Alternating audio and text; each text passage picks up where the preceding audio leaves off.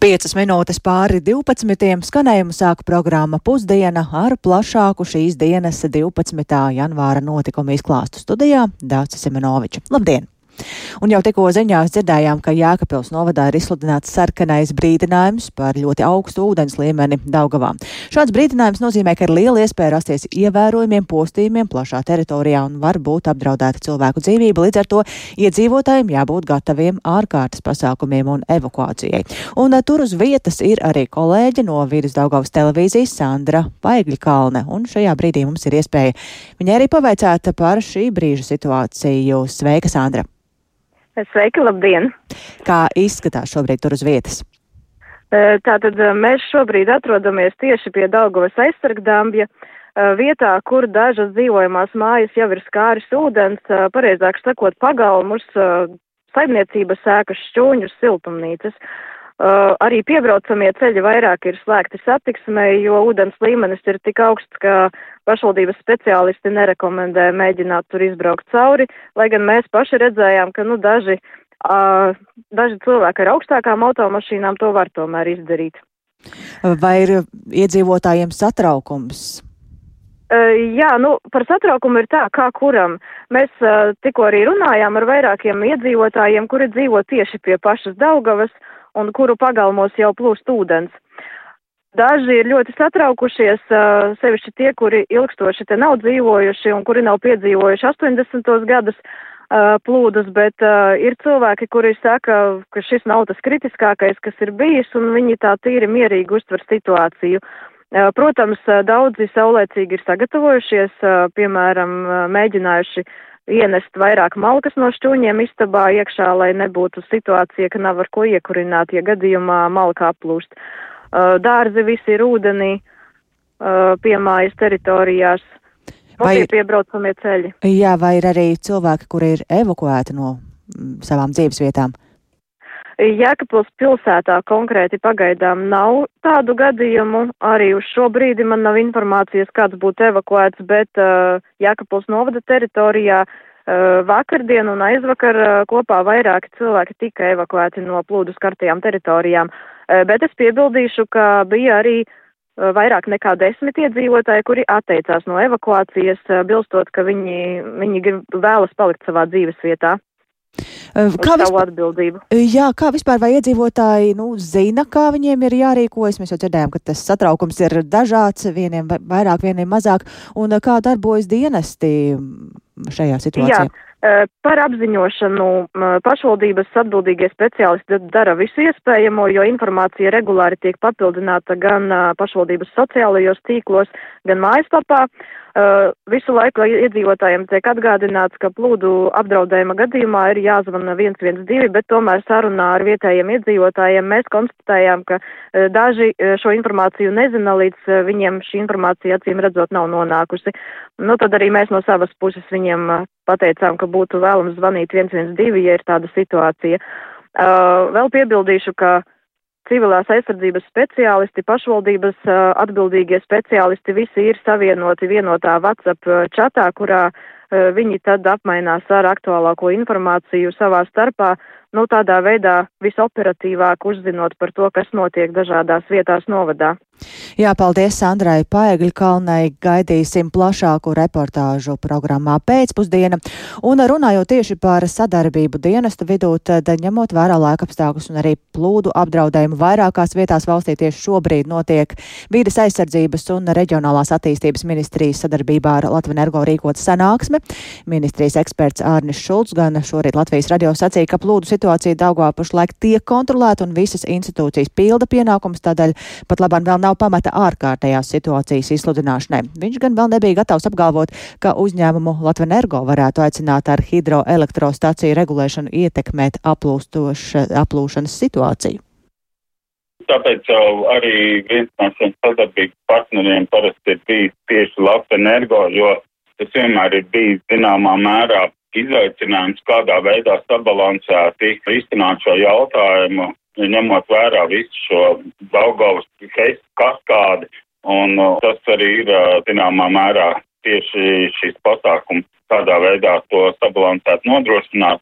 Protams, ir normatīvie akti, kas nosaka, kāda heista darbība ir uh, plūdu draudu gadījumā un tam līdzīgi, bet bieži vien tas nav tik vienkārši. Jā, bet šī sanāksme jums ir tikai par šo pašreizējo situāciju, jeb arī jūs runāsiet vispār kopumā, lai šādas problēmas mazinātu? Tātad mēs esam uzaicinājuši virkni pašvaldību, kurām ir pietiekami augsts plūdu risks, visas arī iespējamās iesaistītās institūcijas. Protams, mēs vērtēsim to gatavību primāri uz pašreizējo, protams, arī pieskarsimies uz tālāko, bet mums jau ir arī ņemot vērā, ka uh, valstī ir plānot šīs civilās aizsardzības sistēmas pilnveida vēl pārunāt pavasarī, un mēs jau arī nevaram pateikt uzreiz, vai tieši šī gadījumā mums izdosies salikt visus punktus uz vīju, mm -hmm, jo mums ir bijušas situācijas, mm -hmm. kad šie plūdi viņi var atkārtoties un viss sākās no gala.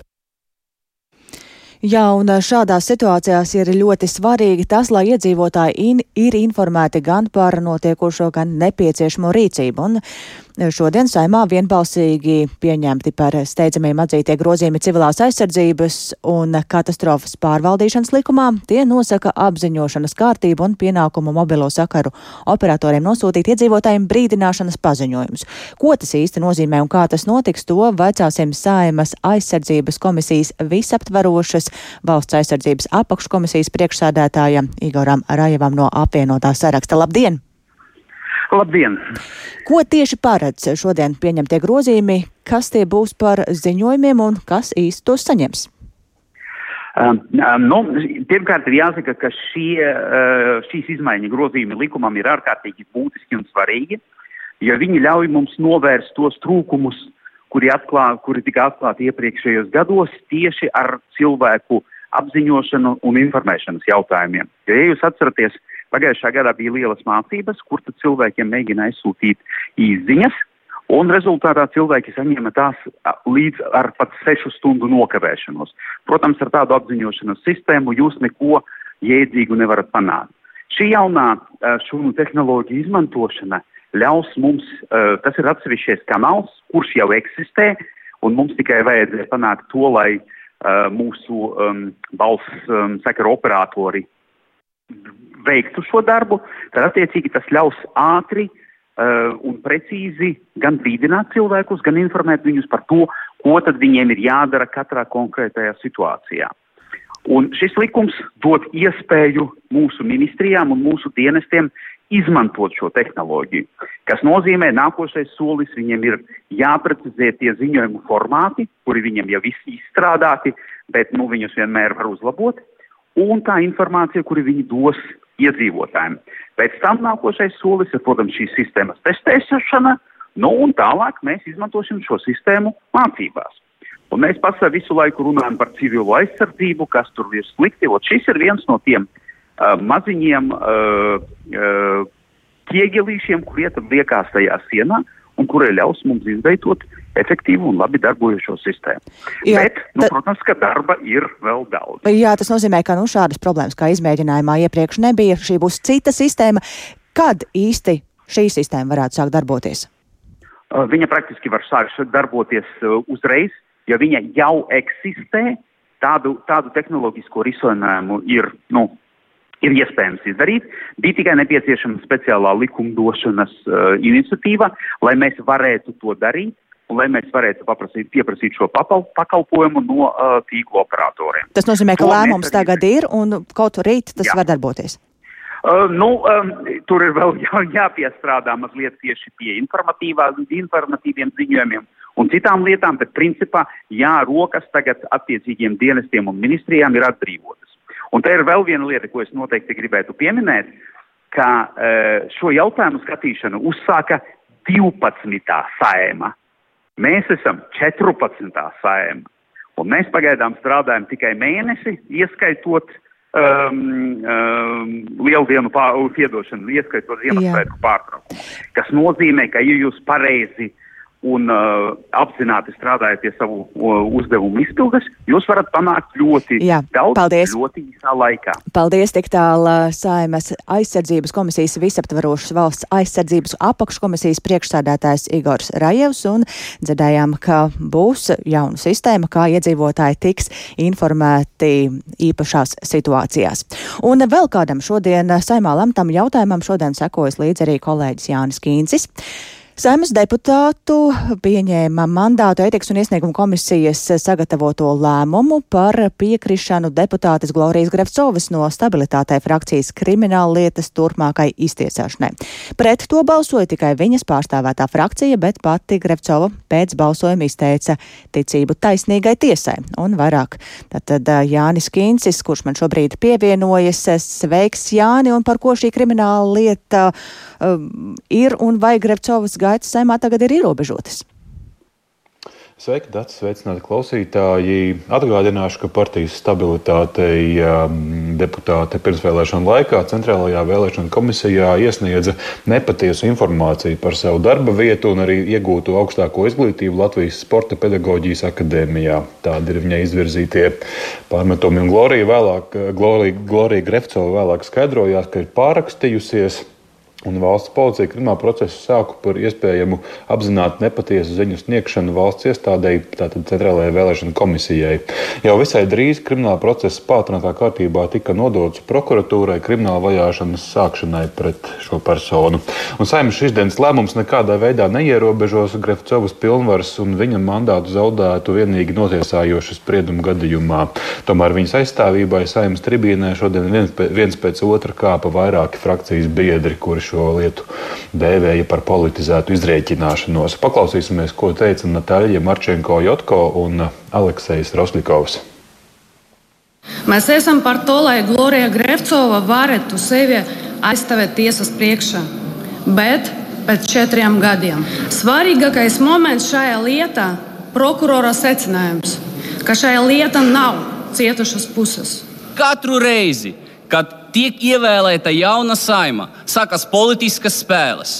Uz dotu momentu ir ārkārtīgi svarīgi saprast, ka jā, kļūda ir pielaista. Bet mēs zinām no vēstures, ka tas ir pārastais pārkāpums, par kuru var samaksāt naudas sodu, un ar to būtu beigas.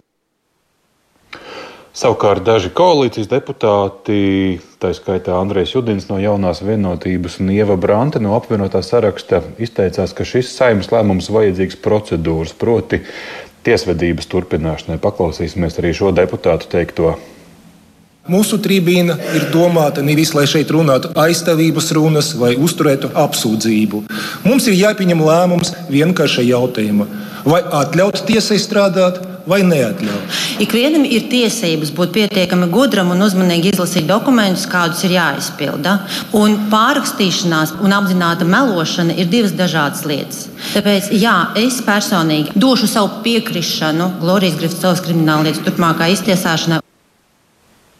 Nu jā, un gala rezultātā par Grevcovas krimināllietas turpmāku iztiesāšanu nobalsoja 80 deputāti, bet pret bija 9. Tie ir viņas frakcijas biedri pašu uh, Gloriju Grevcovu ieskaitot. Viņa vēl piebildēja pauda cerību arī par taisnīgu tiesas darbu. Jā, un Jānis šodien saimā arī bija debates par iniciatīvu par politisko amatpersonu atalgojumu iesaldēšanu. Jā, saimnes deputāti plenārsēdē lēma piekrist saimnes mandāta etikas un iesniegumu komisijas sagatavotajam aicinājumam valdībai atkārtot izvērtēt valsts augstāko amatpersonu atalgojumu sistēmu. Šo ziņojumu saimā no valsts kancelēs sagaida vien aprīlī, lai gan, kā zināms, budžeta likums paredz no janvāra būtisku algas pieaugumu valsts prezidentam, saimnes priekšsēdētājiem, premjeram, ministriem un arī saimnes deputātiem. Iniciatīvas iesniedzēji uzskata, ka tas nav samērīgi. Nu jā, un par šiem jautājumiem un aspektiem saimnes sēdē bija gana plašas debatas. Jā, paldies Jānim Kīncim, tik tālu par ziņām no saimas, un turpināsim pusdienas programmu arī par algām, bet citā jomā. Pusdienā Šonadēļ jau stāstījām, ka divas trešdaļas tiesu darbinieku bija izteikuši gatavību pat streikot, ja viņiem nepacels algus, un šorīt Tieslietu padomis priekšsēdētājs Aigars Strupišs par uh, situāciju bija devies arī apspriesties ar Tieslietu ministri Inesu Lībiņu Egneri. Šīs dienas Tieslietu padomis priekšsēdētāju un ministrs sarunām sekoja līdzi arī kolēģe Agnija Lazdeņa, kur man pievienojas studijā. Uh, sveika, Agnija, un kā noritēja saruna? Kas ir tās galvenās lietas, kuras pārrunāja? Sveika, Dārcens, sveicināti klausītāji. Jā, tātad gan Tieslietu padomas priekšsēdētājs Aigars Strupišs, gan Tieslietu ministra Inesa Lībiņa Egnere pēc sarunas atzina, ka tā bijusi ļoti veiksmīga un interesanta saruna. Tiesu sistēmas attīstības jautājumos viņiem nav būtisku domstarpību, tāpēc viņi plāno, ka arī turpmākā sadarbība abiem būs tikpat veiksmīga. Galvenās lietas, kas tika pārunātas, tad, protams, tiesu darbinieku algu celšana, kas bija svarīgākais jautājums, bet tāpat tika pārunātas arī budžeta aktualitātes, Tieslietu akadēmijas attīstība, kur tad tiesneši, tiesu darbinieki, prokurori un citi darbinieki varēs uzlabot savas spējas tieslietās. Tāpat ir panākta vienošanās par kopīgas darba grupas izveidi jautājumā par Tieslietu padomes statusu un Tieslietu padomes neatkarības stiprināšanu, kā arī par tiesu spriedumiem, proti to, cik būtiski ir tos izpildīt un, protams, arī par turpmāko sadarbību. Un kā ar algām, ko par tām vienojās?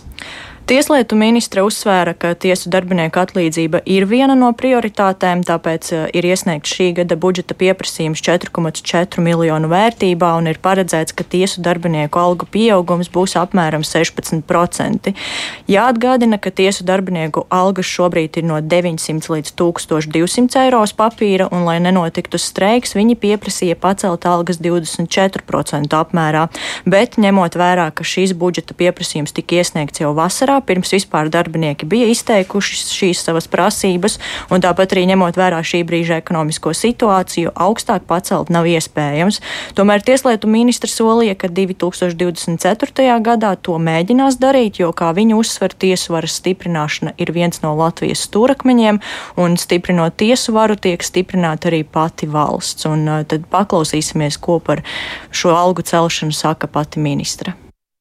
Šis 4,4 miljonu pieprasījums ir tāds, kuru mēs šobrīd budžetā varam pieņemt, bet neatņemot to kādai no citām prioritātēm, kas arī ir sabiedrībai būtiski. Mēs nevaram to pārdalīt, ja tas nebūs uz citu rēķinu. Līdz ar to es no savas puses varu teikt, ka ir izdarīts viss maksimālais. Jau Tieslietu padomē apstiprinātais pieprasījums šobrīd bez jebkāda papildus jautājuma tiek akceptēts bet vēl klāt pielikt, diemžēl, lai cik es to ļoti gribētu, ekonomiskā situācija neļauj.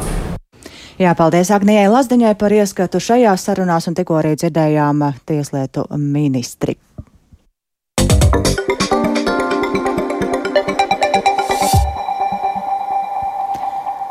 Programmas turpinājumā par to, ka par Krievijas spēku vienotā grupējuma Ukrainā komandieri ir iecelts līdzinējais Krievijas bruņoto spēku ģenerāla štāba priekšnieks Valērijas Gerasimovs.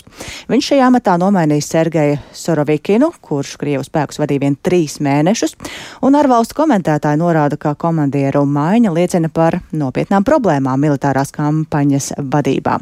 Un šajā brīdī pievienojas arī Uģis Lībietis, kurš ir gatavs par to vairāk pastāstīt. Jā, sveiki, Dārts, sveicināti! Klausītāji!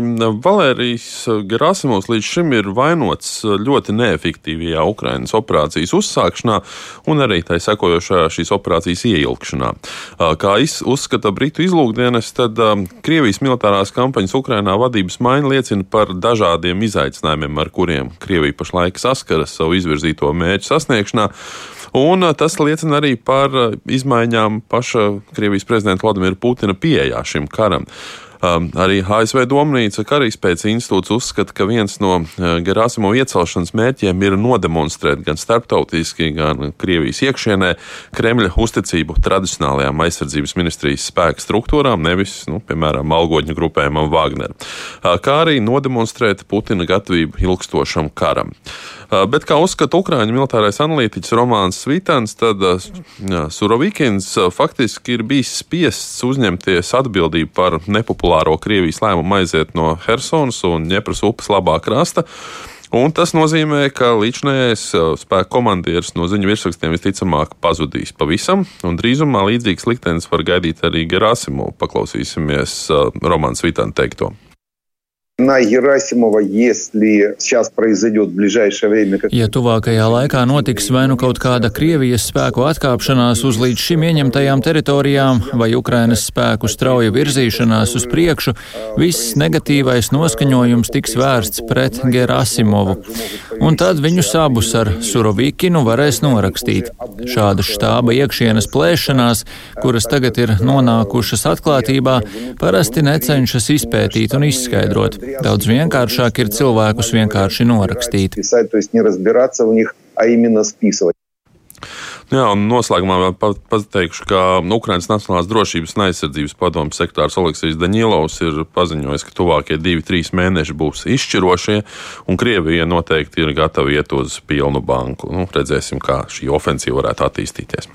Jā, turpināsim sekot līdzi. Paldies Oģim Lībietim, un starptautiskā sabiedrība ir pelnījusi uzslavas par savu izlēmīgo reakciju uz Krievijas pilna apmēra iebrukumu Ukrainā un tur pastrādātajām zvērībām pret civiliedzīvotājiem. Taču demokrātiskajai pasaulē ir jādara vairāk, lai sauktu pie atbildības nedemokrātiskus režīmus par to pieļautajām cilvēktiesību pārkāpumiem. Šāds secinājums Human Rights Watch ziņojumā par to vairāk Uldis Česberis. 2022. gadā pasliktinājās cilvēktiesību stāvoklis pasaulē, teikts Human Rights Watch ziņojumā, kas aplūko situāciju gandrīz simts valstīs. Krievijas karaspēka apzinātie uzbrukumi civiliedzīvotājiem Ukrainā, Ķīnas varas iestāžu represijas pret uiguru minoritāti un grupējuma Taliban ultrakonservatīvo uzskatu uzspiešana miljoniem Afganistānas iedzīvotāju apliecinot, ka nekontrolēta autoritāra vārā aiz sevis atstāja cilvēku ciešanu jūru, teikts dokumentā. Tomēr Human Rights Watch saskata arī pozitīvas tendences, kas liecina par vēlmi stāties pretī cilvēktiesību pārkāpējiem un stiprināt globālo cilvēktiesību sistēmu. Human Rights Watch izpilddirektoras pienākumu izpildītāja Tīrana Hasana velta atzinīgus vārdus starptautiskajai sabiedrībai par to, ka tāpēc Krievijas iebrukuma Ukrainā izmantoja visus savā rīcībā esošos līdzekļus, lai izgaismotu Krievijas karaspēka zvērības pret civiliedzīvotājiem. Viņai īpaši izceļ starptautiskās krimināla tiesas uzsākto izmeklēšanu. Mēs redzējām tūlītēju starptautiskās sabiedrības reakciju, lai mobilizētos ap galvenajām cilvēktiesību atbalsta jomām, tostarp izveidojot starptautiskās tiesvedības mehānismu un vācot pierādījumus par kara noziegumiem. Ziņojumā teikts, ka rietumiem vajadzēja vērsties pret Krieviju jau pirms tās pilna apmēra iebrukuma Ukrainā. Krievijas karaspēka pastrādātie plašie postījumi Sīrijā un rietumvalstu nepietiekami asā reakcija uz tiem esot nostiprinājusi nesodāmības sajūtu Krievijas vadītājos. Irānā pērn plašus protestus izsauca jaunas sievietes nāve pēc tam, kad viņu aizturēja tā dēvētā likumības policija. Protestu laikā ir aizturēti tūkstošiem cilvēku, bet vismaz četriem ir izpildīts nāves sots. Hasana uzskata, ka pasaulē ir stingrāk jārēģē uz Irānas režīma represijām. Mums ir jāvirzās tālāk par starptautisko solidaritāti ar protestētājiem un jānodrošina, lai valdības visā pasaulē sauktu pie atbildības Irānas amatpersonas. Human Rights Watch arī uzsver, ka klimata pārmaiņas arvien vairāk ietekmē cilvēku pamatiesības visā pasaulē. Tāpēc valdībām ir juridisks un arī morāls pienākums regulēt tādas nozares kā fosilā kurināmā ieguve, kas nav savienojama ar pamatiesību aizsardzību. Uldis Česberis, Latvijas radio. Un šodien Rīgā atklāja Radio Brīvā Eiropa par Radio Brīvību jauno biroju. ASV reģistrētā raidorganizācija, kuras galvenā mītne ir Prāgā, Latvijā darbojas kopš pagājušā gada marta. Komandā ir 40 cilvēku, plāno papildināt līdz 100 cilvēkiem un par tās jauno misiju ekskluzīvā intervijā Latvijas radio stāsta prezidents Džēmijs Flais, kas ieradies Latvijā uz biroju atklāšanu. I'm now banned supposedly for life from going to Russia. That, that I was added to the Russian list. Man tagad ir aizliegts iebraukt Krievijā. Izskatās uz mūžu. Mani pievienoja nebālamo ASV pilsoņu sarakstam, kad sākās karš. Mēs bijām brīvi pieejami Krievijā. Mūsu mājaslapas vēl pirms gada nebija bloķētas. Tikai pēc Putina invāzijas Ukrainā eskalējās šī pamanāmā iztumšana. Labās ziņas par spīti visiem izaicinājumiem, par spīti tam, ka žurnālisti žurnālistiem ar visām ģimenēm bija jāatstāj sava valsts un jāgatavo reportāžas no ārzemēm, auditorija Krievijā joprojām izrāda interesi par mūsu saturu, un kara laikā tā pat ir pieaugusi. Kaut arī tagad ir jālieto VPN, lai tam piekļūtu. Es neticu, ka katram Krievijā ir izskalotas smadzenes. Cilvēki izrāda, ka vēlas saņemt neatkarīgu informāciju un ir skeptiski par daudz ko no Kremļa sacītā. Mūsu darbam ir svarīga loma. Plašāk šo turpināsim programmā pēcpusdiena, bet šobrīd izskan ziņu dienesta veidotā programma Pusdiena, producenti Ilza Aginta, ierakstus montēja Renāša Šteimanis, par labskaņu rūpējās Katrīna Bramberga un ar jums sarunājās Dāca Semenoviča. Sekojiet mums līdzi arī Latvijas radio Facebook lapā, tāpat arī sabiedrisko mediju ziņu portālā LSMLV. Un esam atrodami arī raidierakstu platformās, kā arī Latvijas radio mobilajā lietotnē. Yeah.